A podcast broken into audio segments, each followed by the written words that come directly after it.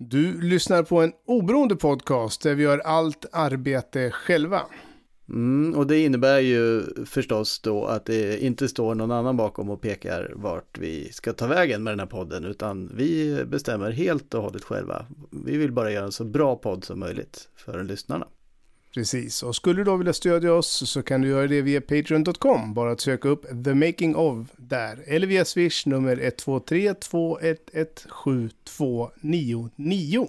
Och numret är kopplat då till vårt bolag Blue Zombies. Så står det så, då har ni kommit rätt.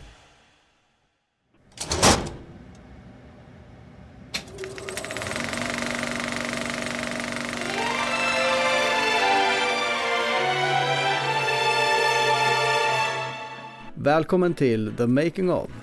En podcast om hur världens bästa filmer har kommit till. Jag heter Stefan Bäckström Vogt. Och jag heter Fredrik Hillebrand. I dagens avsnitt ska vi färdiggöra historien om hur Blue Velvet blev det mästerverk den är. Här är den andra delen utav Blue Velvet.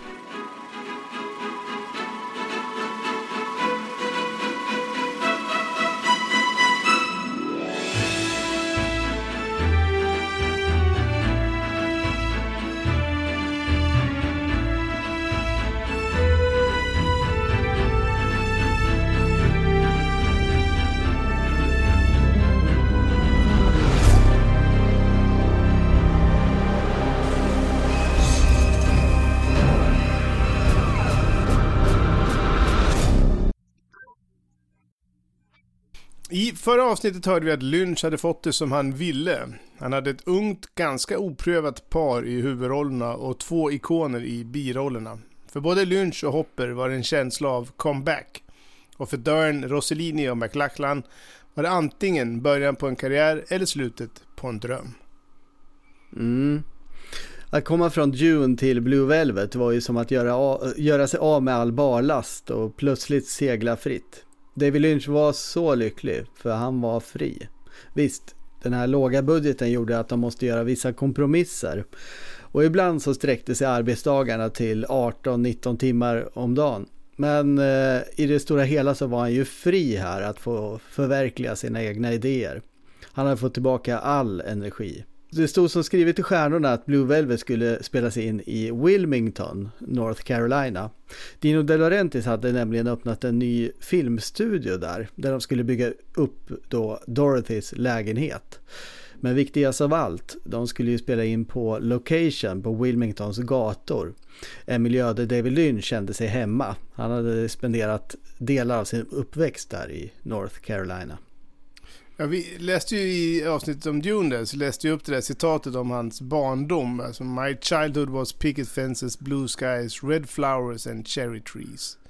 Och det är inte mm. svårt att föreställa sig i North Carolina. Jag försökte bli lite klokare på själva delstaten då. Det tycks vara typ den mest genomsnittliga amerikanska man kan föreställa sig. Mm. Alltså det är den 26 säkraste delstaten att bo i. Det är den 28 största staten, cirka 10 gånger större än Värmland då. Med skogar, kuperad terräng och kust ut till Atlanten. En vacker stat av allt man kan bedöma. Utan mm. att ha mm. varit där då. Men om man ska förstå Lynchs förhållande till det som han tycker är så fascinerande med skönhet så måste vi avsluta citatet jag började på. I discovered that if one looks a little closer at this beautiful world There's always red ants underneath. Och det mm. är väl mm. liksom nyckeln till... Bokstavligen i, ja. i Blue Velvet också. Ja, precis. med, precis. med myrorna. Ja, eh, Blue Velvet utspelas ju i den fiktiva staden Lumberton. Och Lumberton som är Lumberjack, alltså en skogsarbetare. Och tankarna går ju återigen då till Twin Peaks. Lynchs pappa arbetade ju för det amerikanska jordbruksdepartementet och spenderade mycket tid i skogen. Och David var ju ofta med honom på jobb där i, i skogen vilket satte sina, sina spår. Och som vi sa då, han var ju pojkscout också. Mm. Innan de hade börjat spela in så eh, upptäckte de att det fanns ett samhälle som på riktigt hette Lumberton, inte särskilt långt därifrån. Så producenten då, Frank Caruso, fick slänga sig på telefonen och försöka få tag på något som kan, någon som kan ge tillstånd att använda Lamberton som namn. Eh, mot försäkran då att deras Lamberton inte hade någon som helst koppling till det verkliga Lamberton.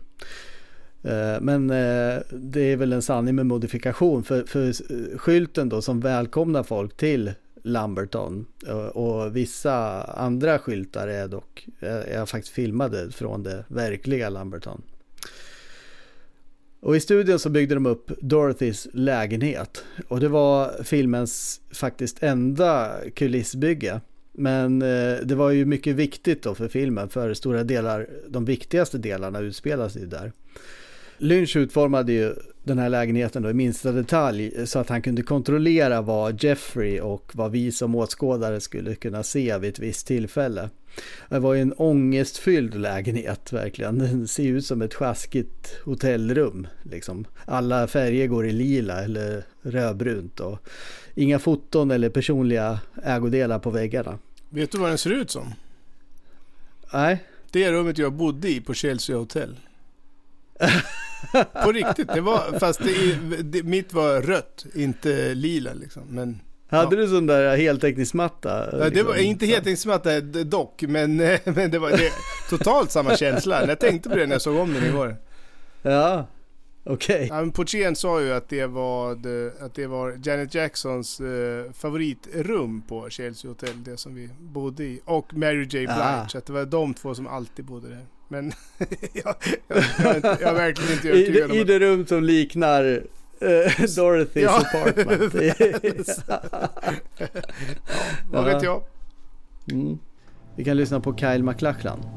It was nerve wracking. Really, really was. For any number of reasons. I mean, first of all, it's, you know, I'm standing there with my shorts off, you know, and I'm like, camera crews around and Isabella Rossellini is right in front of me with a knife. I mean, that, that's not enough to sort of, you know, make you wake up in the morning of that scene with a, you know, a few butterflies. I don't know what is. Första scenen eh, som Kyle MacLachlan gjorde mot uh, Isabella Rossellini var scenen då hon hittar honom där han har gömt sig i garderoben och tvingar honom att ta av sig kläderna inför henne.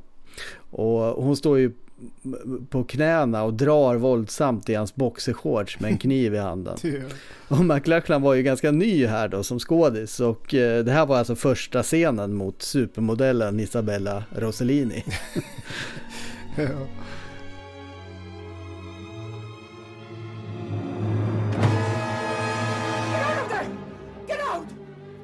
Your hands up!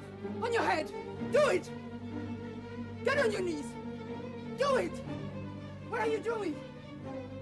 Who are you? What's your name? What's your name? Jeffrey. Jeffrey what? Jeffrey nothing.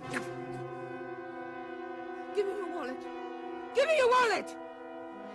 Och Cal McLachlan var så nervös av så många olika orsaker. Det enda han tänkte på under scenen var att han inte var där. Han var, han var någon helt annanstans i, i tankarna. Hello baby.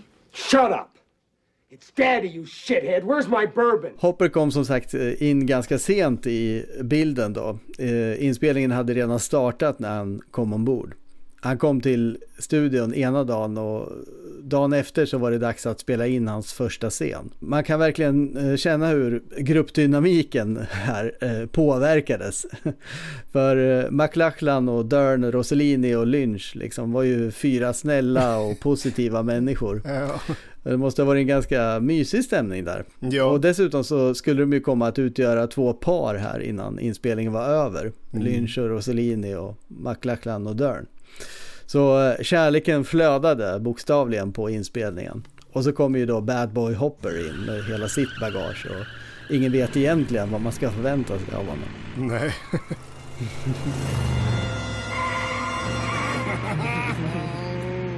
All right, where do you want to go? oh, I know. We got to go to Ben's, right? Oh, right. We've got to see Ben. yeah, we got to, got to, got to, got to. We may killed. he's a pussy, Frank. He's a pussy. Yeah, but he's our pussy. right, kids? Pussy heaven. Mm, you ever been to pussy heaven? I samma anda som garderobscenen så ville Lynch då riva av plåstret för Hopper och Rossellini. Så han ville att den första scenen som de spelade in skulle vara scenen där han våldtar henne på ett väldigt våldsamt sätt. Ska vi börja med den scenen? Det är ju fruktansvärt tänkte Rossellini. Isabella Rossellini kände inte Hoppe sen förut, utan hon hade ju hört det som alla andra hade hört om honom, att han var återhämtad sig från ett långt drogmissbruk. Hon frågade Lynch då vad han trodde om Hopper och hon blev inte lugnare av hans svar. För han kallade honom för en tickande bomb. Så hon eh, stämde ett möte med Hopper över en frukost. Och Hopper kom dit och var bara helt avståndstagande och kall och irriterad. Mm. Vadå, vill du känna, lära känna mig? Ja, här är jag. typ. så Hopper skrämde Rostellini. Men eh, kanske är det så att professionella skådespelare liksom inte träffar varandra innan de spelar mot varandra. Eh, funderade Isabella. Senare insåg hon dock att han nog var lika rädd som hon var. Han återvände ju till filmen efter flera år av rehab och mm. eh, han hade ju glömt hur man spelar utan att ha droger i kroppen som vi berättade tidigare. Och så ville ju David då inleda med den här otroligt svåra scenen.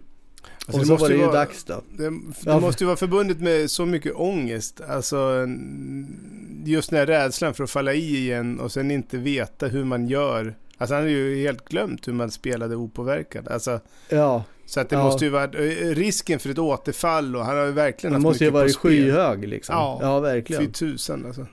Det är, mm. Ja, jag förstår att han var rädd. Ja men så var det dags då och eh, Rossellini då halvligger på en stol i enbart en svart sidenmorgonrock med särade ben och Hopper skulle ju då knäböja och prata med hennes underliv. Rossellini gjorde delar av scenen i underkläder men de kom till slut till punkten då det skulle synas i bild så hon måste ta av sig dem. Och det ska ju mycket till att inte bli generad i, i ja. ett sånt ögonblick. Ja, Precis som McLachlan egentligen liksom i, i ögonblick, eller den här andra scenen. Han också eh, var så närgången. Och det, det var ju liksom ingen annan som såg Isabellas underliv, men Hopper gjorde det. Och Hopper å andra sidan hade ju ingen aning om att hon hade tagit av sig underkläderna förrän hon särade på benen. Eh, han hade liksom inte blivit informerad om det innan scenen. Och det är säkert ett medvetet val av, av Lynch. Mm.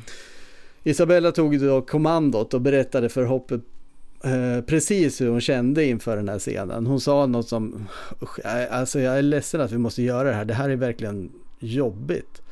Och Hopper svarade, ah, jag har sett det förut. så Roselini visste ju liksom inte om hon skulle skratta eller bli förnärmad liksom. Och på sitt eh, liksom ofina sätt så tog han udden av spänningen så att säga. Så hon började skratta och när hon gjorde det så såg hon i Hoppers ögon att eh, han gillade henne. Och eh, de kom att spendera en hel del tid tillsammans utanför inspelningen och, och Dennis öppnade sig och berättade om sin sjukdom och hur han förlorade greppet om sig själv och, och, eh, och verkligheten då och hur skrämmande allting var. Och här var han nu och spelade en karaktär som var hög på droger och skvatt galen liksom. Så det var ju, han, han fick en kanal där med Isabella Rossellini. Mm, det är fint. Ja, våldtäktsscenen då i filmens inledning, apropå fint då, ja. Eh, är ju bara en av de scener där Rossellini blir våldsamt misshandlad av Hopper. Och eh, man blir både upprörd och förbryllad av att Dorothy faktiskt, man ser ju att hon tycker om att bli slagen i, i den scenen. Och Rossellini kunde ju dock sätta det här i en kontext då hon som ung i flera år hade levt med en man som hade slagit henne. Medan han slog henne så kände hon liksom ingen smärta. Istället så tänkte hon på absurda saker som typ herregud, jag ser stjärnor cirkulera runt mitt huvud precis som Kalanka i en serietidning. Och hon tänkte på det i relation, relation till Dorothy när hon blev slagen då. Eh, när hon blev slagen så försvann hennes ångest för en liten stund. Och det var det som var njutbart. Nattsvart. Mm.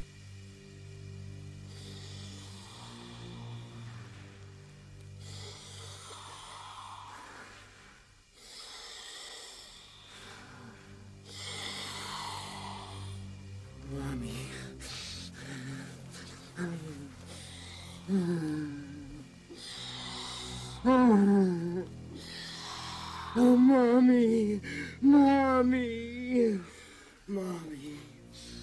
Mommy loves you. Baby wants to fuck. Oh, oh, get ready to fuck! You fuckers, fucker! You fucker! Oh, mm. Hey, Don't you fucking look at me! David Lynch var en i grunden lycklig människa. Man kan ju undra liksom med alla Ja. de här äh, sadomasochistiska scenerna och ja, det, det är ganska mörkt som sagt. Men eh, han är ju, har ju ingen dålig bak, barndom bakom sig, ingen missbruk, ingen, han har ett sunt förhållande till omvärlden och så vidare. Och det stod ju i bjärt kontrast till mörkret i hans filmer. Och på inspelningen av Blue Velvet så skrattades det mycket liksom. Antagligen bara för att de hade kul, men också som ett medel och kanske för att hantera de här spänningarna som man ville få fram i, i filmen. Det hade liksom inte funkat om alla var som Dennis Hopper. Nej.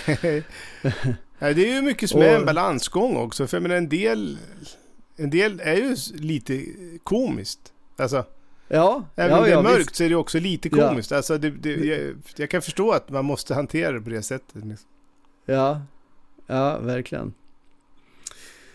Och eh, alltså, så, ju svårare och mörkare scen, desto mer skrattade Lynch. Så under våldtäktsscenen så vek han sig av skratt mellan tagningarna. Han kunde liksom inte sluta skratta. Och Rossellini var förvirrad. Vad finns det liksom att skratta åt? Vad är det som är så roligt liksom?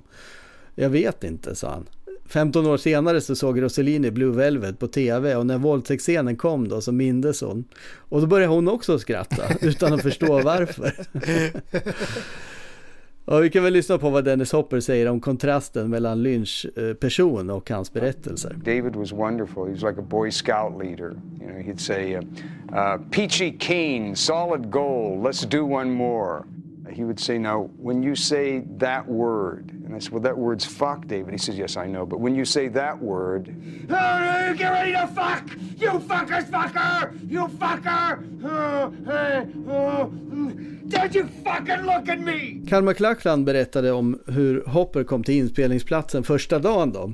Han hade överrock på sig och portfölj i handen. Han såg liksom ut som en eh, affärsman eller en handelsresande eller något sånt där. Och eh, det var möjligen någon signal om en ny inställning ifrån Hopper. Han skulle vara ordentlig nu. Han var otroligt mån om att det här skulle bli bra. Och eh, han var ju den som höll ordning och reda omkring sig på plats. Mm. Jag tror att det var någon gång när Twin Peaks gick på tv som ordet lynchstämning. Ja, alltså lynchstämning har ju funnits länge, men eh, i relation till David Lynch då, kom till. Ja, jag tror inte att det var ett enda specifikt stämningsläge utan en kombination av fler. Och det kan vara den där vemodiga stämningen av Julie Cruz och eh, Angelo Badalamentis musik.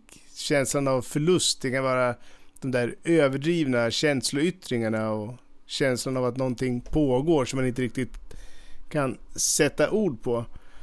Och jag tror liksom att en av nycklarna till David Lynch, som jag ser det i alla fall, är den där oväntade kontrasten. Liksom att titta på en, något som är Mm. vackert och så vända på det och så inse att det är fult och skadat eller kanske falskt till och med.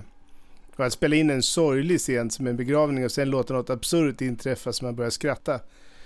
Och i det här fältet av osäkerhet där man inte vet vad man ska uppleva eller blir osäker på vad man egentligen känner, även någon form av lynchstämning.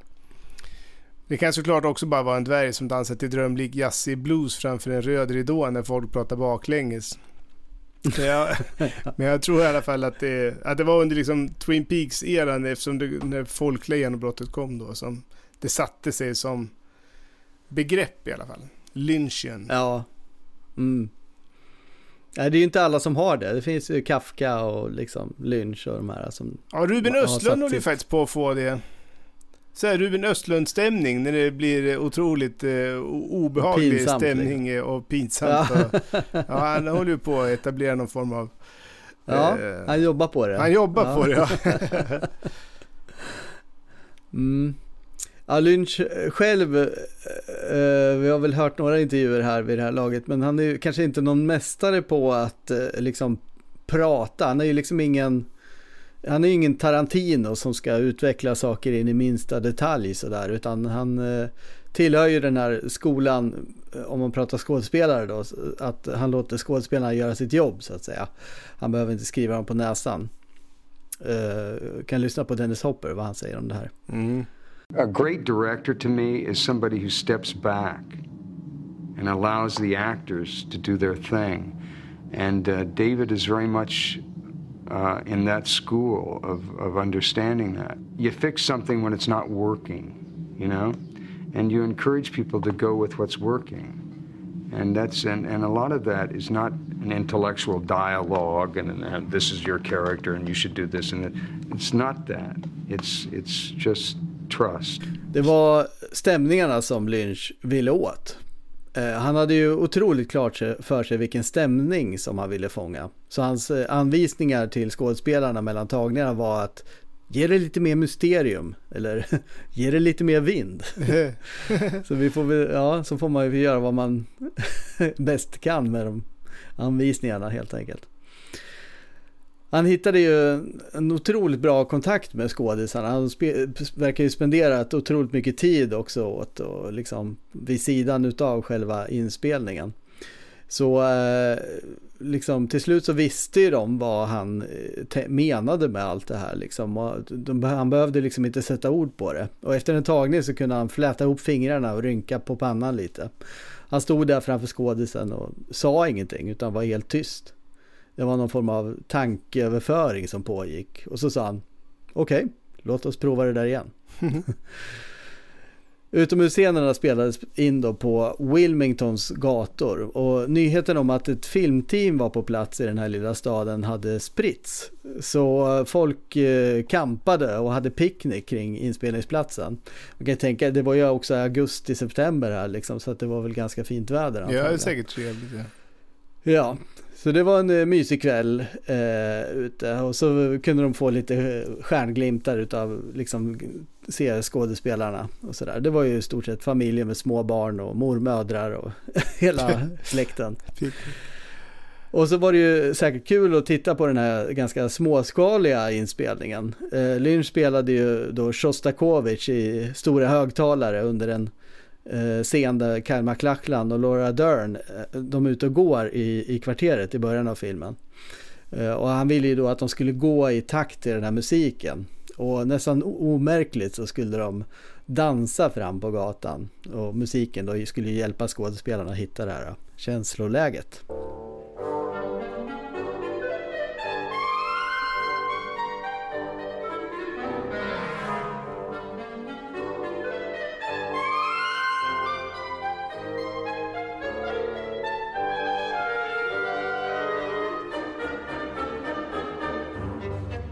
Mysigt. Men eh, så kom de fram till då en scen som filmteamet varnade den lokala befolkningen om.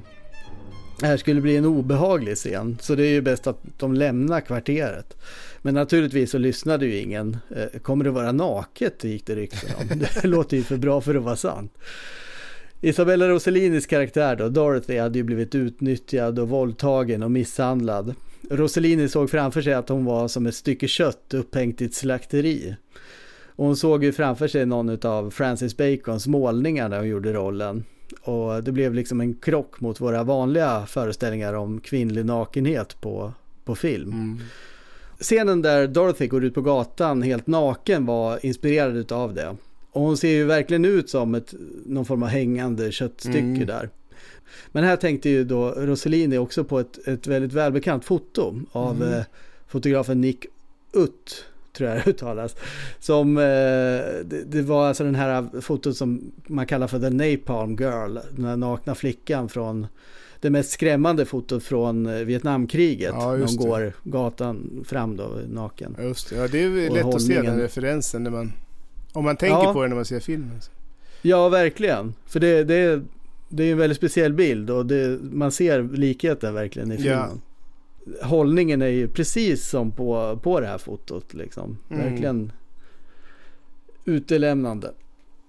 Och den här scenen då var ju inspirerad av en händelse från David Lynch barndom. Där han och en kompis såg en kvinna eh, komma gåendes på gatan alldeles naken.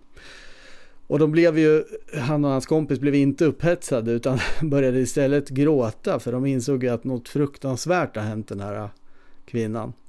Och den här scenen upprepar sig ju också i första avsnittet utav Twin Peaks där vi följer en ung kvinnas väg då in i samhället. Och, ja, alla har ju sett den här scenen.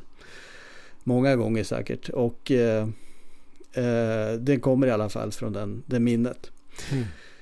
Och i Blue Velvet så var ju det här botten då för Dorothy. Rossellini försökte inte dölja eh, någonting då. För det fanns, det, meningen var ju att det inte skulle finnas någonting kvar. Ingen känsla av anständighet. Och hon försökte inte liksom förnärma någon utan bara porträttera sin karaktär.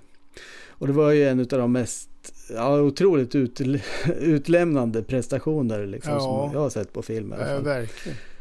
Men det skulle åtminstone delvis få äta upp senare. Men det, vi kan återkomma om det. Ja. Så eh, publiken där i Wilmington hade ju blivit varnad. Det var, kunde de inte säga någonting om. Men eh, familjefesten var ju med den här scenen över. Det här var ingenting för eh, småbarn. Och när de var klara och Rossellini hade fått på sig morgonrocken så såg hon sig omkring. Alla picknickfiltar var borta. Det var tomt runt inspelningsplatsen. Dagen efter så kom stadens sheriff till studion och berättade att nu var det slutspelat på Wilmingtons gator. Ja. Jag tänkte att vi borde ju kika på, nämna musiken, liksom, för den har ju en väldigt framskjuten roll i den här filmen. Mm. Och David Lynch lyckas ju på också ta två riktigt klassiska låtar och beröva dem dess oskuld.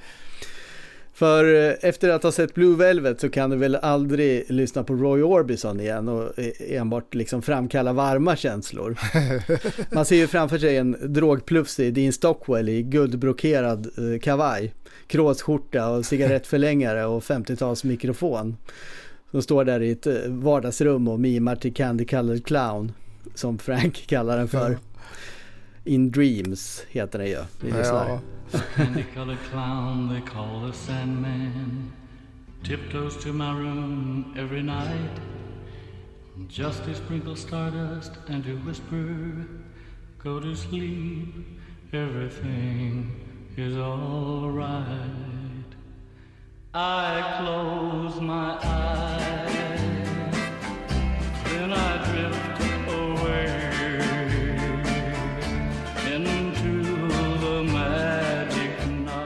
Ja, jag, såg eh, en intervju med eh, David Lynch och från början så hade han velat ha Roy Orbisons Crying i filmen. Det var hans liksom, första tanke. Han hörde mm. den i radion när han satt i en taxi med Kyle MacLachlan. Men sen kom han till North Carolina och köpte Best of Roy Orbison. Och när han hörde In Dreams så fick han nästan en chock över hur klockrent den passade till filmen. Texten är ju spot on till Franks karaktär. In dreams ja. you're mine all the time. Uh, framförallt om man vill tolka Franks extrema handlingar som kärleksyttringar. Liksom. Så att, att, han, mm. uh, att han blev fångad av det, det, det är ju mycket förståeligt kan man väl säga. Sen så skulle ju då Crying dyka upp i Valhalla Drive. Så att han fick ju användning för Aha. den också. Han var, han var ju väldigt ja. stor, eller är väl väldigt stor Roy Orbison-fan. Mm. Och Roy Orbison såg sen Blue Velvet. Han hade ju naturligtvis gett tillåtelse till att den skulle användas. Men så han hatade det. Alltså han tyckte det var jättejobbigt att se sin sång i filmen på det sättet. För det var en av hans ja. personliga favoritsånger. Man älskade själv den sången. Uh, men hans vänner... Ja, jag kan förstå det. Ja, men eller hur. Det är ju inte så konstigt. Liksom. Det är som Stuck in the middle. Liksom. Man kanske inte vill att den ska associeras med att någon får ett öra avskuret i Reservoir Dogs. Men hans vänner i alla fall sa till honom så här, han gå, några år senare då, att gå in och se filmen igen. Liksom. Jag tror kanske du kan få ut någonting av det. Och då såg han filmen i ett annat ljus och eh, ah. tyckte om eh, Blue Velvet väldigt mycket. Och de träffades mm. även. De, de, David Lynch var i en studio där Roy var och så skulle han gå iväg och, för han skulle meditera. Och då sa eh, Roy Orbisons fru då, var, var ska du någonstans? Nej, jag ska gå och meditera. Ja, vad, vilken form av meditation? Ja, transcendental meditation. Ja men det gör vi också, så vi kan väl komma med. Så satt de tre där och mediterade transcendentem. så att de fick ett fint förhållande, men det, bör, det, det, var, det var jobbigt för dem i början att se hur, hur det användes. Mm. Ja, eh, Lynch älskade ju också Bobby Wintons låt Blue Velvet. Och det var ju liksom centrum i det han ville skapa förstås. Men eh, Dino De Laurentiis ville inte betala för rättigheterna till Blue Velvet. Så Lynch frågade då Angelo Badalamenti om han kunde komponera en låt som liknade den.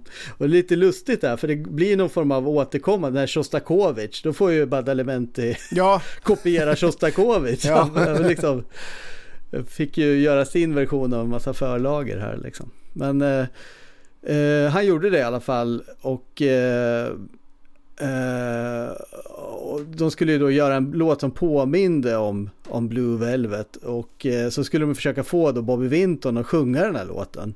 Och det gick ju bra på ett sätt men problemet var att eh, det hade liksom passerat 25 år sedan Bobby Vinton sjöng in det här originalet. Så Eh, därför måste de sänka tonen ett par steg och då förlorar den liksom det här pojklika soundet som var, ganska viktigt för låten. Så det blev liksom en, en dealbreaker till slut. Lynch gick liksom tillbaka till De Laurentiis och sa att antingen så får vi rättigheterna eller så blir det liksom ingen film. Och då eh, ordnade De Laurentiis det. Eh, och det är ju svårt att sälja en film som heter Blue Velvet med ett musikstycke i, liksom centralt för handlingen som inte är Blue Velvet. Liksom. Ja, det precis. Det, går, kanske. det går inte att ta Pretty in Pink då. Liksom. Nej. Jag såg för övrigt en intervju då där, med, med Lynch sa att han älskar Blue Velvet. Eh, för att, du var ju inne på det i förra avsnittet, just att det är en färg och en textur, en konsistens eh, ja. i ett liksom. Och att det sätter hela stämningen. Och han fick ju den där idén då. Eh, sången, färgen svart och kraftiga röda, lappar och, eh, kraftiga röda läppar och en, en stor gräsmatta. Det var ju så historien började. Så att, Ja, mm. Det är intressant det där hur kreativa processer kan sättas igång av någonting och associationsflödet som sen kommer efteråt. Liksom. Mm.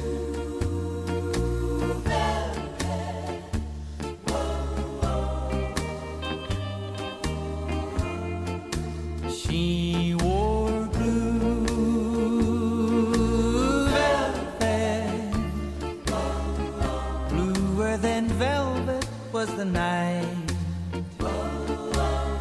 softer than satin was light from the stars.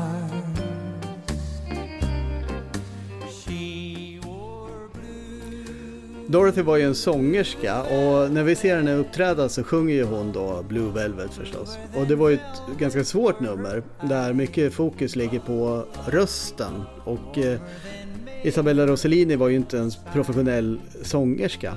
Och det visade sig dessutom då att när de skulle framföra låten så hade hon ju tränat på en annan version av den från 1952 framförd av Bernie Wayne. Och, och den här versionen är ju liksom långsammare, en salongsversion eh, utav låten. Och de eh, provade om och om igen men insåg till slut att eh, vi, det här får vi liksom inte till. Så producenten då, Frank Caruso, ringde till Angelo Badalamenti som var då i det läget en musiker i New York som han jobbat med några år tidigare.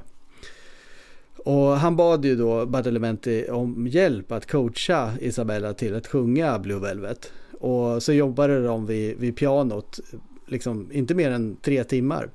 Och så hade de fått ihop en väldigt bra version av låten som egentligen kanske är mer lik den här eh, salongsversionen. Eh, som, som Bernie Wayne gjorde.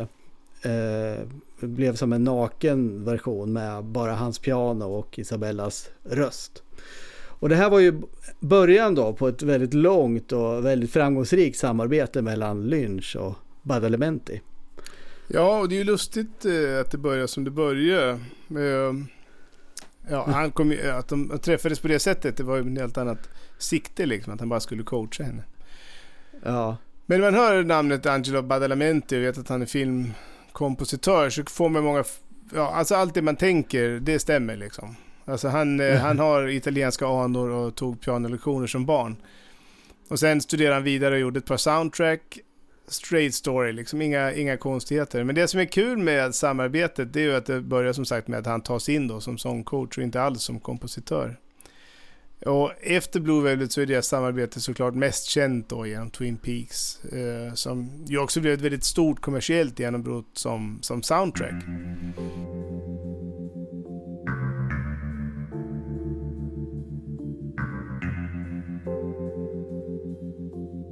Mm. Och så har de jobbat i princip på, ja, kanske inte alla filmer som Lynch gjort, men väldigt, väldigt många av hans filmer är det ju Angelo Badalamenti som, som har gjort. Mm. Men en sak som jag tyckte var ganska roligt, han har ju också gjort till um, Nightmare Before Christmas 2 och lite sådär filmer som jag tänker, ja men det är, det är väl rimligt liksom. Men han har också Ja. gjort soundtracket till ett päron till farsa firar jul. det, tycker jag, det tycker jag är roligt. Ja. Ja, men det finns också ett citat där eh, från Lynch som jag vill läsa upp eftersom jag tycker att det kännetecknar hans dualism och även hans instruktioner. Liksom. För han gav ju då instruktioner som du var inne på då till Badalamenti att musiken skulle låta så här.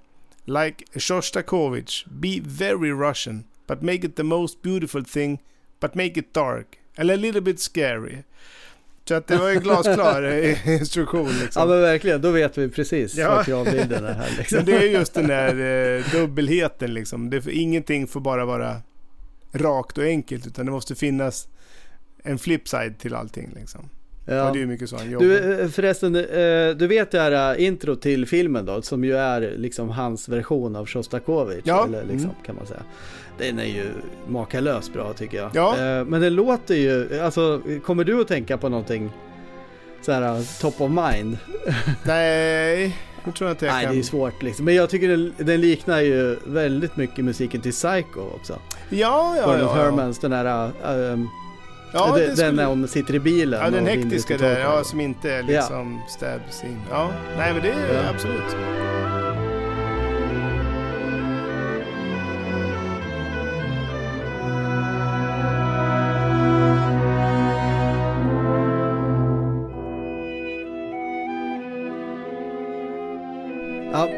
Rossellini menar ju liksom att det spelar inte så stor roll om eh, Dorothy hade en fin röst eller inte. Eh, det var ju liksom gestaltningen och dramat som räknades. Så hon, hon spelade på det.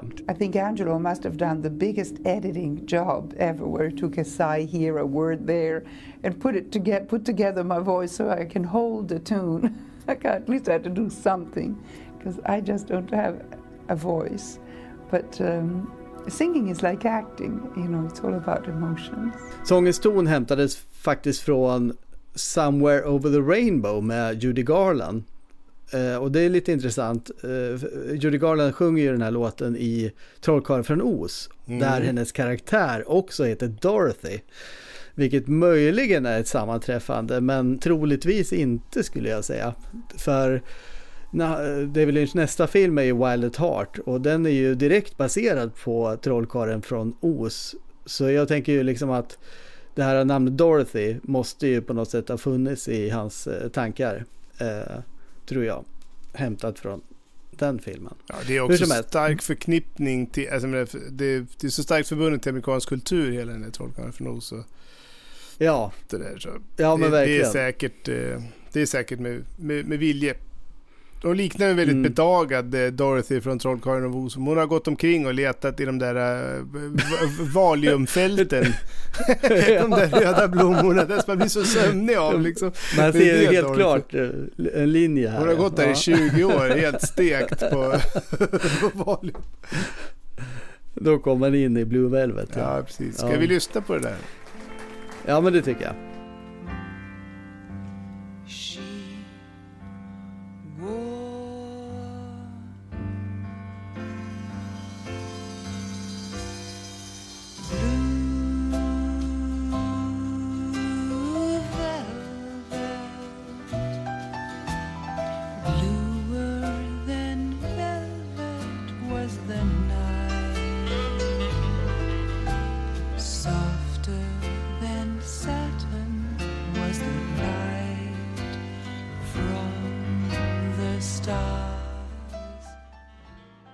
I publiken när, hon framför den här låten så sitter ju då Jeffrey och eh, Sandy.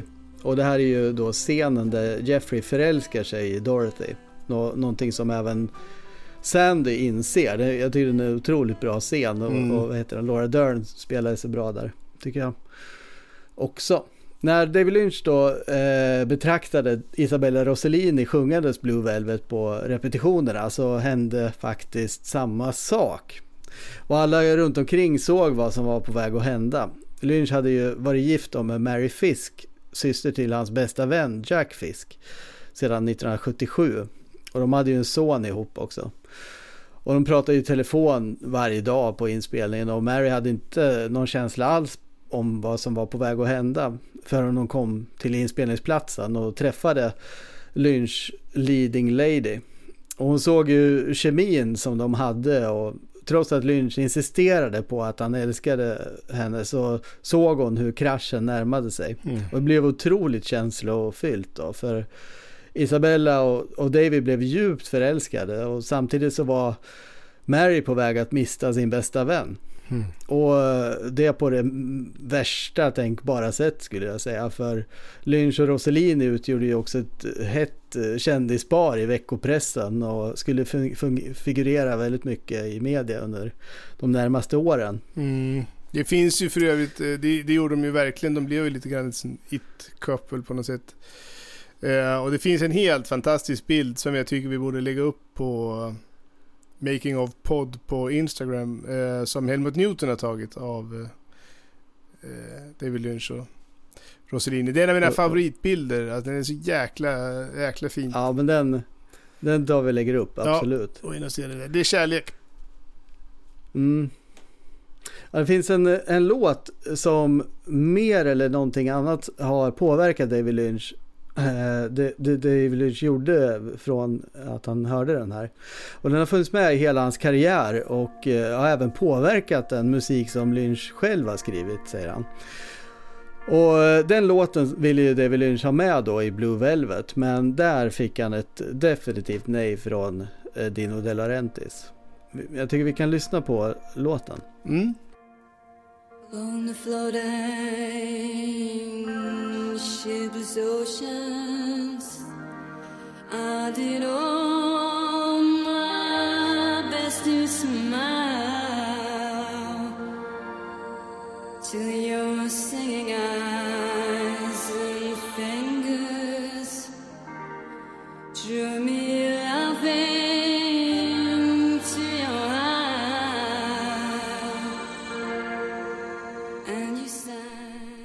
Och det här är ju Tim Buckleys låt Song of the Siren framförd av This Mortal Coil 1983. Och det här är alltså då David Lynchs favoritlåt och han fick ju möjligen, möjlighet att använda den senare i Lost Highway. Men eh, här fick de alltså ett nej och då så skrev istället då Lynch motvilligt en låttext och så satte ju eh, Badalamenti musik till den då. Så det blev, eh, Badalamenti blev å, återigen det här liksom, liksom billighetsvalet. Ja. Eh, men eh, det är också det som vi fick höra då med Julie Cruz eh, framföra då Mysteries of Love heter den låten. Och Julie Cruz blev ju jättestor och känd i och med Twin Peaks Mm. musiken. Vi kan lyssna på Angelo Badalamenti. Yes. Isabella comes into New York, and I, I'm working with Isabella and recording her, and she brings me this little yellow piece of paper, and on it it says Mysteries of Love. And I'm looking at the lyric, and I'm saying, it's like, you know, sometimes a wind blows, and you and I uh, float in love and kiss forever in a darkness. And it just had this kind of spaciness, and I'm saying, my goodness, you know, this is not a lyric that I'm used to. This is just you know a bit of poetry. Uh, uh, it's not really a song, so I was I was a bit disappointed, to be perfectly honest with you, in the lyric. And David said, "Oh, just just make it you know float through time. Make it like the wind. Make it like the sea. Make it endless. Make it cosmic." I said, "Oh, I see." Komponerade det här stråkfyllda stycket och eh, då var det ju dags för dem att hitta en sångerska då. Som, och Lynch ville ha någon som sjunger så att det låter som att en ängel som sjunger. Och då kom ju Badalamenti att tänka på den här sångerskan som han hade jobbat med i New York. Och hon hette ju då Julie Cruz. Och uh, resten är väl som man säger historia. Ja, det får man säga.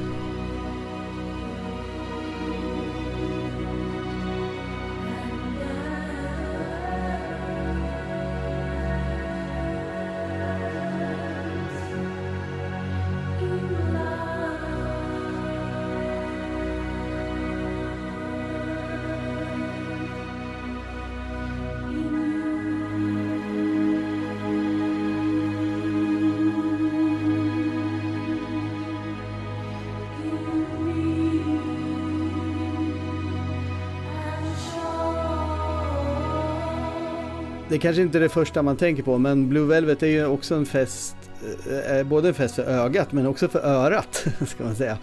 om man får säga så om en film ett öra i centrum. Men eh, även ljudbilden är ju väldigt signifikativ för David Lynch och att vara ljuddesigner är ju ett ganska kreativt yrke men blir ofta förbisedda skulle jag säga. Eh, ljudbilden är ju otroligt viktig. Eh, kanske lika viktig som det visuella ibland.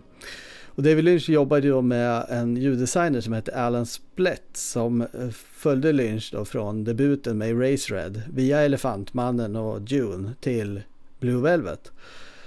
Tyvärr så blev ju Blue Velvet den sista filmen som de gjorde tillsammans innan Splett dog bara 55 år gammal i sjukdom då.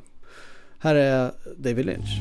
Most of the time it's the pictures first and the pictures dictate um, what kind of sounds uh, we're looking for and uh, you know they uh, when added to the picture become uh, extremely magical.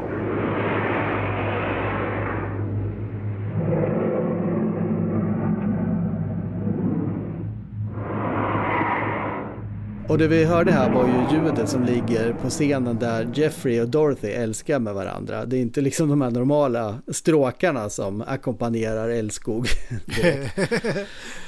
uh, Lynch är inte så mycket för att improvisera och de höll sig till punkt och pricka till manuset. Och det blev ju inte många tagningar egentligen för det behövdes inte. För Lynch visste precis vart kameran skulle stå och så vad han ville få ut av scenen. Så när det var dags att klippa så var det en ganska enkel uppgift. Men när de var klara med den första genomklippningen så var filmens längd då 3 timmar och 57 minuter. Och det var ju alltså så Lynch hade tänkt sig den här filmen. Och de som såg den versionen sa att det, det, den var riktigt bra. Det, det, här är alltså då en Directors Cut. Men eh, Lynch insåg ju att det var ju också, du, ska ju också kunna få den visad filmen liksom och då går det inte att ha en fyra timmar lång liksom. Så de var ju tvungna då att halvera längden.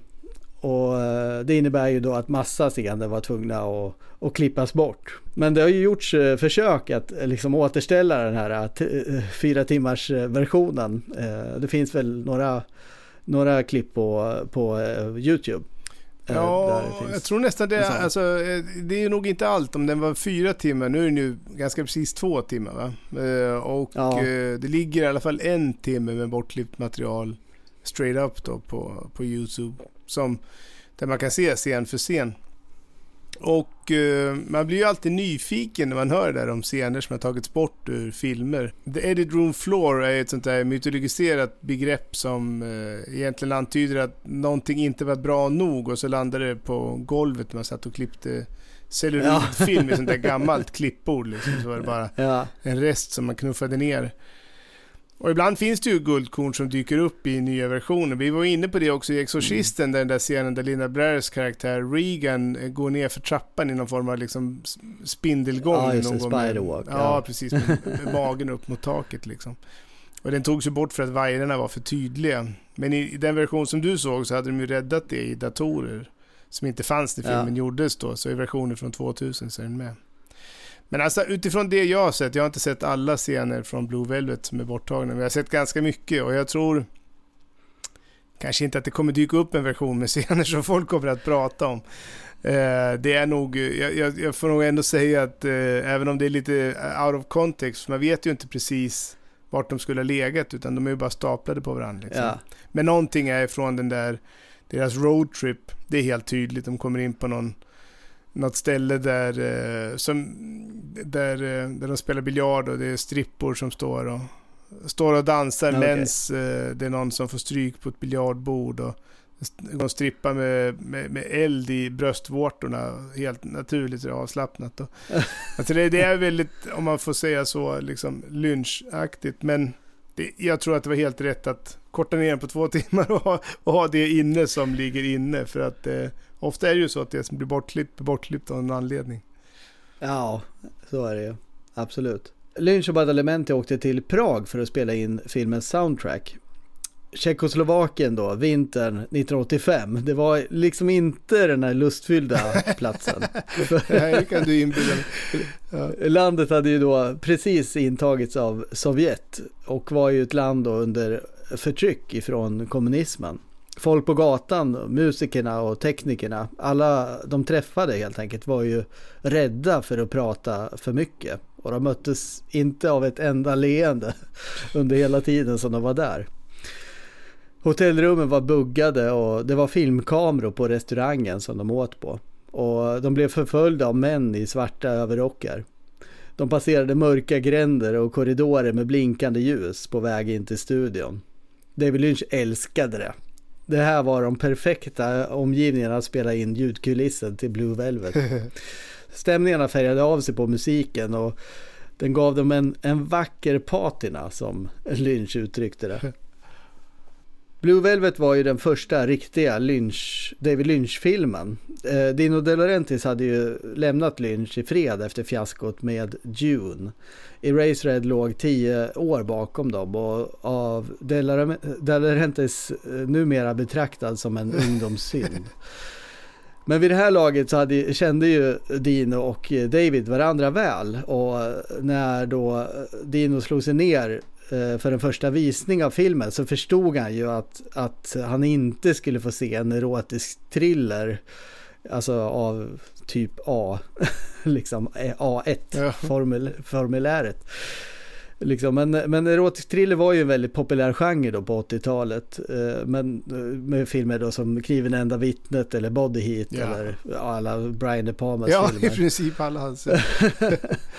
Och han visste ju att eh, Blue Velvet skulle ju vara en, en mer personlig film. Men ändå, hade han förväntat sig en film där det mesta av handlingen sker på ett omedvetet plan och där många frågor liksom lämnas obesvarade. En film med så många obehagliga scener. När visningen var över och ljuset tändes upp så var det tyst i salongen. Alla tittade på varandra. De väntade på att någon annan skulle ta till orda. Till slut så sa någon Så vad ska du göra med den här filmen då Dino? Dino sa David, jag måste nog använda mitt eget distributionsbolag för att få den här filmen visad. För det kommer inte vara någon annan distributör som vill ha den. Men i själva verket så gillade faktiskt Dino den här filmen och han trodde att den kanske var bredare än vad de satt och trodde i det där visningsrummet. Så han ville ju testa den då för en, en testgrupp. Och de arrangerade en, en testvisning i San Fernando Valley. Blue Velvet visades back to back då med Top Gun, vilket ju var en lite märklig kombo. Ja, det tycker du? Får man säga. ja, och eh, Lynch var ju inte med på visningen utan han var ju hemma hos Kyle MacLachlan och Laura Dern eh, som just hade flyttat ihop. Så blev Lynch uppringd av sin agent som var mycket upprymd och berättade att visningen hade gått jättebra. Den är så bra, vi älskar den hörde han liksom i bakgrunden, han pratade i telefon. Så Lynch var ju på riktigt gott humör när han var på väg att lägga sig den här kvällen. Men innan han hann gå och lägga sig så kom Diane Ladd då, eh, alltså Laura Derns mamma till den här lägenheten. Hon hade ju varit på samma visning tillsammans med sin väninna och de var ju nedstämda. Det var precis som att det var någon som tryckte dem. Men eh, David gick ändå till sängs med en bra känsla. Nästa dag så ringde Lynch då till eh, Dino och frågade om visningen. Och det var då sanningen kom fram. Det hade gått mindre bra. Eller som någon i teamet uttryckte det, det var den sämsta testvisningen de hade varit med om. Det är för övrigt något som gäller alla, alla lynchfilmer. Man kan ju förstå det på sätt och Ja, vis. jo. De har ju aldrig funkat på en testpublik liksom. Nej. Alltså man drar ihop liksom kreti och pleti liksom. Nej men det är ju, det är ju acquired taste. Det är ju så liksom. Det är Ja. lättare att testa, ja just Top Gun då. Ja. Eh, Det var ju liksom då flera som hade ju då lämnat salongen under föreställningen och när de summerade de här berömda korten som folk får fylla i då så eh, kunde de läsa saker som Vad gillade du bäst? Slutet.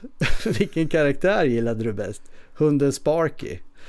Och bland summeringarna av filmen så stod det sämsta filmen någonsin och Kill the director. Jobbigt alltså. Ja, så det infann sig ju då en viss eh, oro och, eh, osäkerhet hos alla inblandade för de hade ju bara gjort den här lilla filmen liksom helt utan förväntningar. Men när, när liksom inspelningen var igång så kändes det som att de hade gjort något som var väldigt, väldigt rätt. Och att det var kul att göra det här liksom. Och kanske kunde det bli något riktigt, riktigt bra. Men nu kändes det som att de hade tagits ner på jorden när de mötte verkligheten så att säga. Så visade Dino De Laurentiis eh, vad han stod i frågan i alla fall. För han sa Fuck them. Det här är en briljant film och vi kommer inte att klippa bort en enda bildruta. Och vi kommer att släppa den precis som den är. Fantastisk eh, producent alltså. Det får man ju säga, där har man ju honom verkligen. Och i jakten på den här nischade publiken då som de skulle behöva hitta så premiärvisades eh, Blue Velvet på den lilla men hippa filmfestivalen Telluride Film Festival i eh, Kalifornien. Och David Lynch var där tillsammans med Laura Dern och Kalle MacLachlan. Publiken var luttrad, det var liksom, hade ju sett det mesta men Blue Velvet hade en ton som de aldrig hade upplevt förut. Innan Lynch så hade ju ingen gjort det. Alltså det var ju som du sa, du beskrev den här Lynch-stämningen. Liksom just det här med att det är både sorgligt och lustigt på samma gång. Och liksom skrämmande och roligt. Och, eller sexuellt udda liksom, Ja, på en ja. och samma gång. Så det var något nytt. Den officiella premiären då var vid filmfestivalerna i Montreal och Toronto i augusti-september då 1986. Och eh, den 19 september då 86 så öppnade Blue Velvet på 98 biografer runt om i USA. Mm.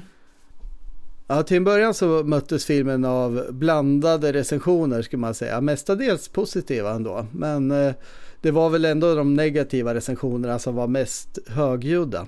Förhållandet till filmen var ju polariserat kan man lätt säga. Ja. Man tyckte antingen mycket om den eller så gillade man den starkt.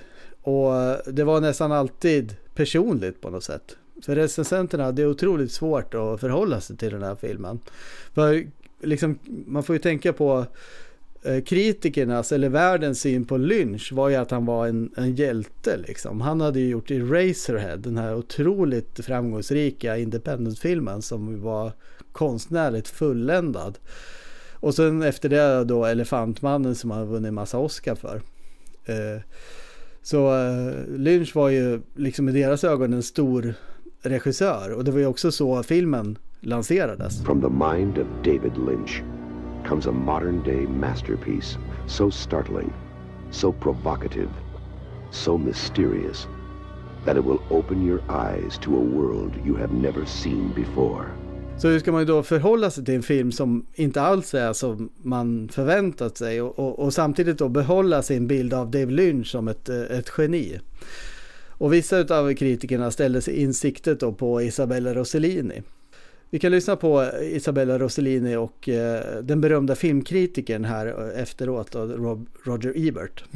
When they loved the film, they praised David Lynch as a great director. When they didn't like the film, they just tried to figure out why they didn't like it. And they always seemed to me that they would pick on me. It's not how Ro- Isabella Rossellini reacts mm-hmm. to the fact that she's standing there nude and humiliated on the lawn of the police captain's house with lots of people watching.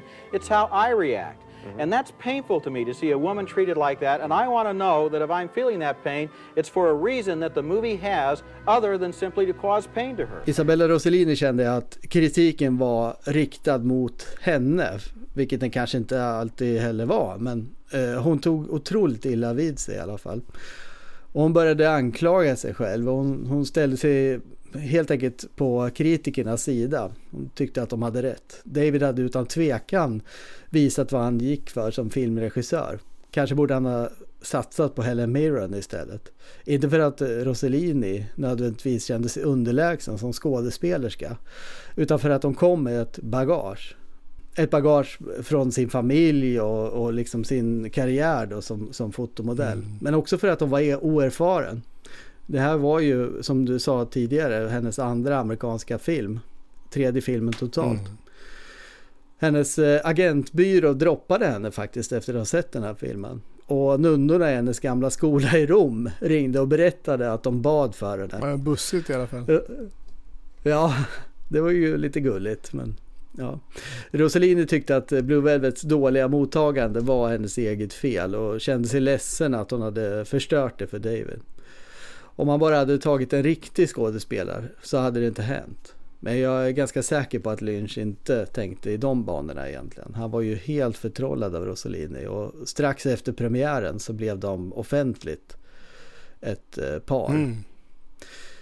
Blue Velvet för, förde ju liksom en tynande tillvaro faktiskt på biograferna tills Pauline Kael då, USAs mest inflytelserika filmkritiker, pekade på Blue Velvet som någonting fantastiskt. Något som man borde ge en andra titt. Och vid det här läget så hade ju filmen börjat plockas ner från biograferna och skulle förberedas för VHS-lansering. Och det blev ju samma sak med Blue Velvet som med True Romance. Att de hittade sin publik på videomarknaden istället.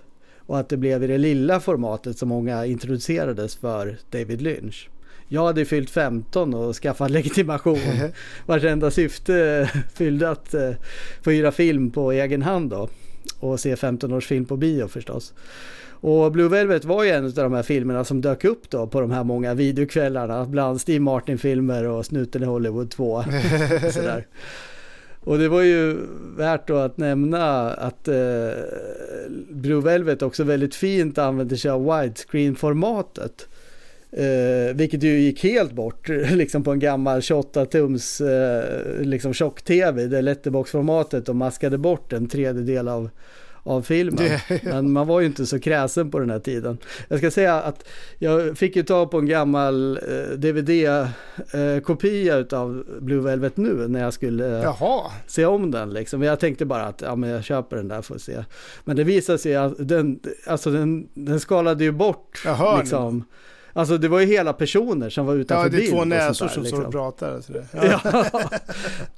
Jag såg faktiskt Blue Velvet på bio när den kom. Tillsammans med min bästa kompis då, Mattias, i Västerås 1900, jag vet inte om det var 86 eller 87. Men alltså jag var ju inte särskilt gammal. Och om den hade en 15-årsgräns så hade jag i alla fall inte levt upp till de kraven. För jag var ju inte 15, jag var inte 15 då. Men det var ju ganska lustigt att vi två gick in Alltså Mattias och jag gick in på bio, alltså skulle gå på bio, det var ju inte något man gjorde så ofta liksom. Det var ju dyrt och skulle åka ja. in till stan, vi bodde ju utanför och så vidare. Och så valde vi den. Jag vet inte hur det gick till. Jag vet faktiskt inte hur det gick till. Men eh, vi fick ju förstås en skrattattack då när han lämnade in det där örat på polisstationen. Och vi satt och tänkte på, så, tänk om inte någon hämtar det inom en månad, då får han tillbaka örat. Då kan han säga att det är hans öra. Liksom. Ja, vi tyckte det där var jätteroligt.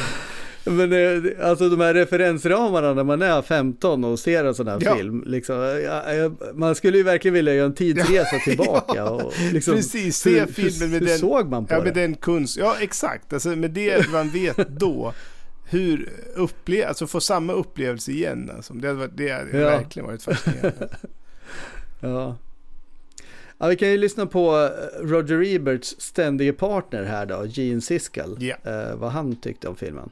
This did for me what Psycho did as a lot younger, which is eyes open and oh my God, we're really getting in over our heads. And that's an experience which is challenging, shocking, but mesmerizing and I like the picture. Filmrecensenter fortsatte jag att prata om Blue Velvet långt efter dess premiär då. och man måste ju se filmen om och om igen menade de. Och vissa älskade den så småningom och andra hatade den och fann den motbjudande.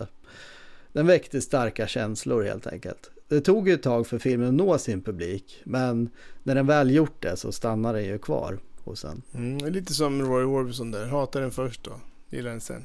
Ja. Ja, men när det väl blivit eh, award season då, i januari 87, så fick Blue Velvet sin definitiva upprättelse. Dennis Hopper blev dubbelt Golden Globe nominerad för bästa manliga biroll för rollen som Frank samt en roll i filmen Hoosiers. Den andra comeback-filmen där som du nämnde förut. Hopper var såklart hedrad men gjorde det samtidigt klart att skulle han vinna en Golden Globe så skulle det vara för rollen som Frank. Men Hopper fick inte som han ville. När det var dags för Oscarsgalan så blev han bara nominerad för Hoosiers. Det var ganska förutsägbart. Han spelade i lokala fyllet som blev assisterande coach i ett basketlag. En perfekt, Mm. tårdrypande comeback för Hopper. Men en klart mer Mm. slätstruken roll då. Mm.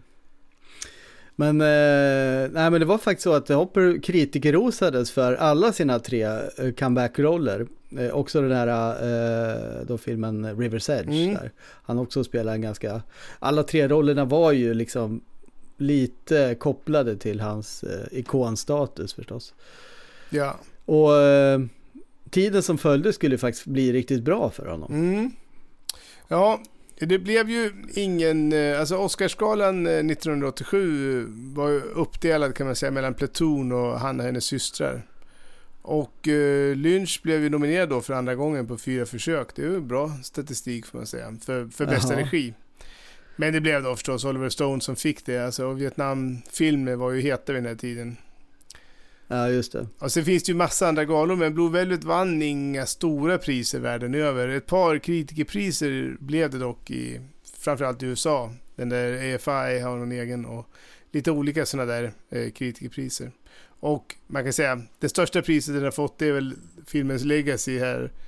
Eh, så många år efter att, vi fort, att det fortfarande finns liksom folk som ser den och eh, refererar till den och ja, inledningen, de Ja. första minuterna är väl fortfarande liksom fast filmskolematerial på alla utbildningar Ja. skulle jag tro. Ja, det är nog, det är nog väldigt många som kan, kan de där, som, som vet, känner igen Precis, det vinkningen, vita staketet och rosorna. Och, allt det där. Ja, exakt. Tulpaner tror jag. Ja, Ja, Lynch skulle ju senare få sitt eh, breda genombrott när han, eh, liksom, med sin nästa film, alltså eh, Wild at Heart, som ju vann Guldpalmen i Cannes. Mm. Eh, och, nej, jag vet inte, jag, för, för mig så är väl Blue Velvet har ju en, en, en plats i mitt hjärta mera naturligt än, än Wild at Heart. Men jag kan förstå det ändå om man säger Ja. så. Men jag inser att eh, Wild at Heart är ju lite, lite bredare, lite mera eh, världstillvänd kanske. Ja, också i soundtracket, hela paketeringen och liksom. Ja. Visst, den är liksom lite mer, den är lite glammigare på något sätt liksom. Även om det finns många, Ja. många saker som, är, som är 90-tals. samma liksom. Mm. Ja, Dune hade ju kostat då 40 miljoner dollar att spela in då och eh, eh, hade ju då fått tillbaka 30 utav dem. Det var en flopp.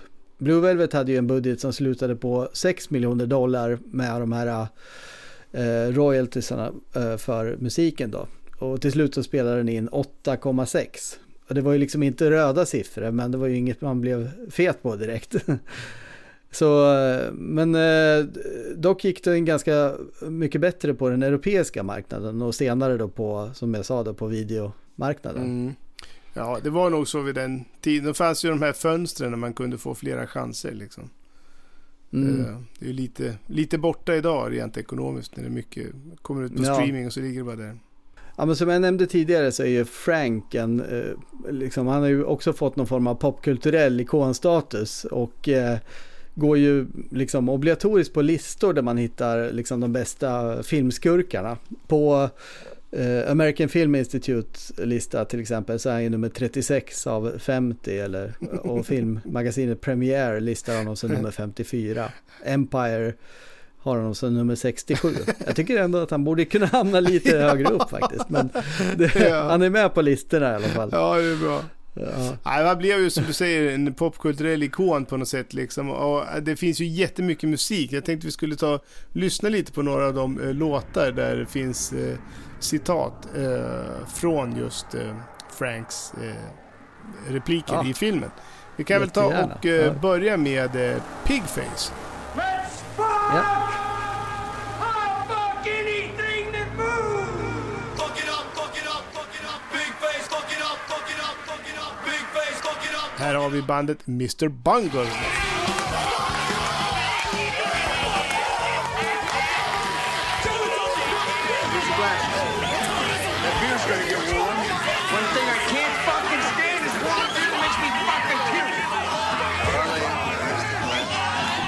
sen har vi ju en, eh, en favoritlåt här, Ministry, som eh, har eh, samplat mitt favoritcitat, Let's hit the fucking road, i låten Jesus built my hot rod. Vi lyssnar.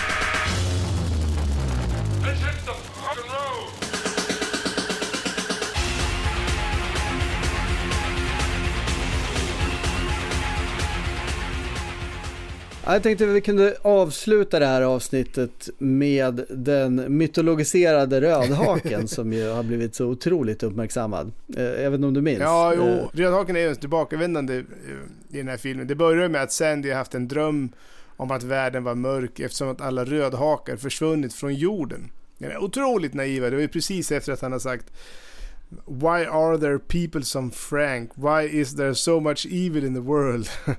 och då berättar hon Ja. om den här drömmen då om, om rödhakarna och att rödhakarna representerar kärleken. Och sen i hennes dröm så kommer en massa rödhakar, tusentals rödhakar. Och med rödhakarna kommer kärleken tillbaka och fred på jorden uppstår. Det var ju liksom bakgrunden. Så kommer den ju Ja. in i slutet av filmen när allt har gått bra. Ja men precis, då är det ju liksom en rödhake som sätter sig på deras fönsterbläck. och Med en liksom insekt så. i munnen.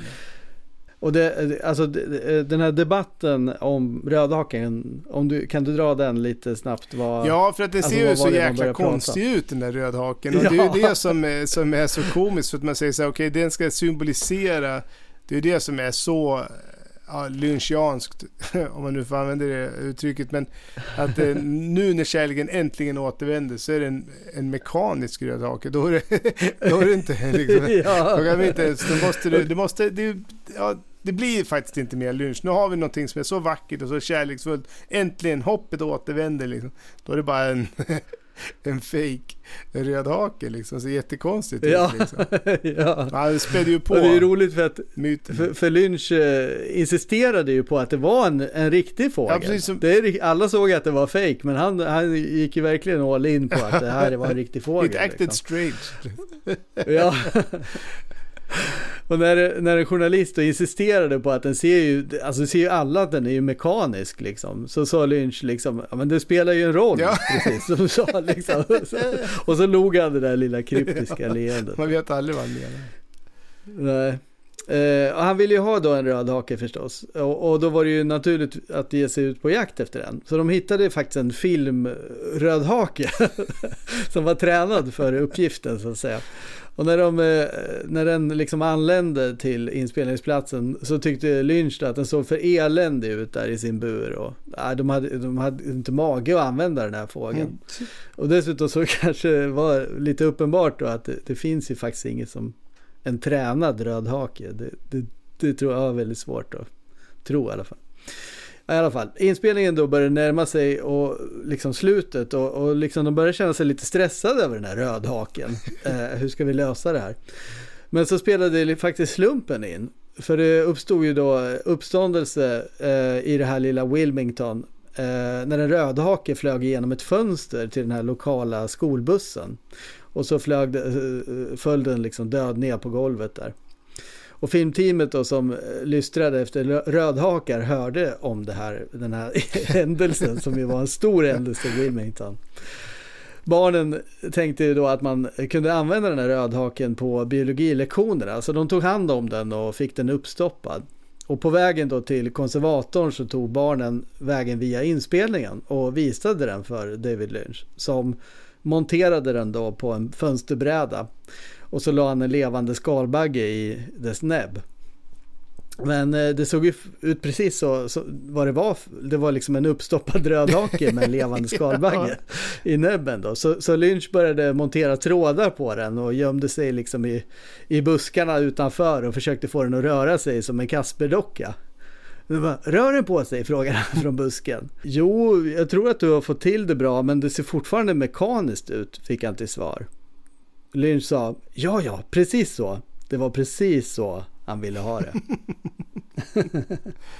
När Lynch är Lynch. Ja, Ja. Du har lyssnat på eh, The Making of Blue Velvet. Och nästa onsdag är vi tillbaka med ett nytt avsnitt och en ny film. Tills dess får du följa med oss på sociala medier. Vi hörs nästa onsdag. Det gör vi. Hej då. Ha det bra!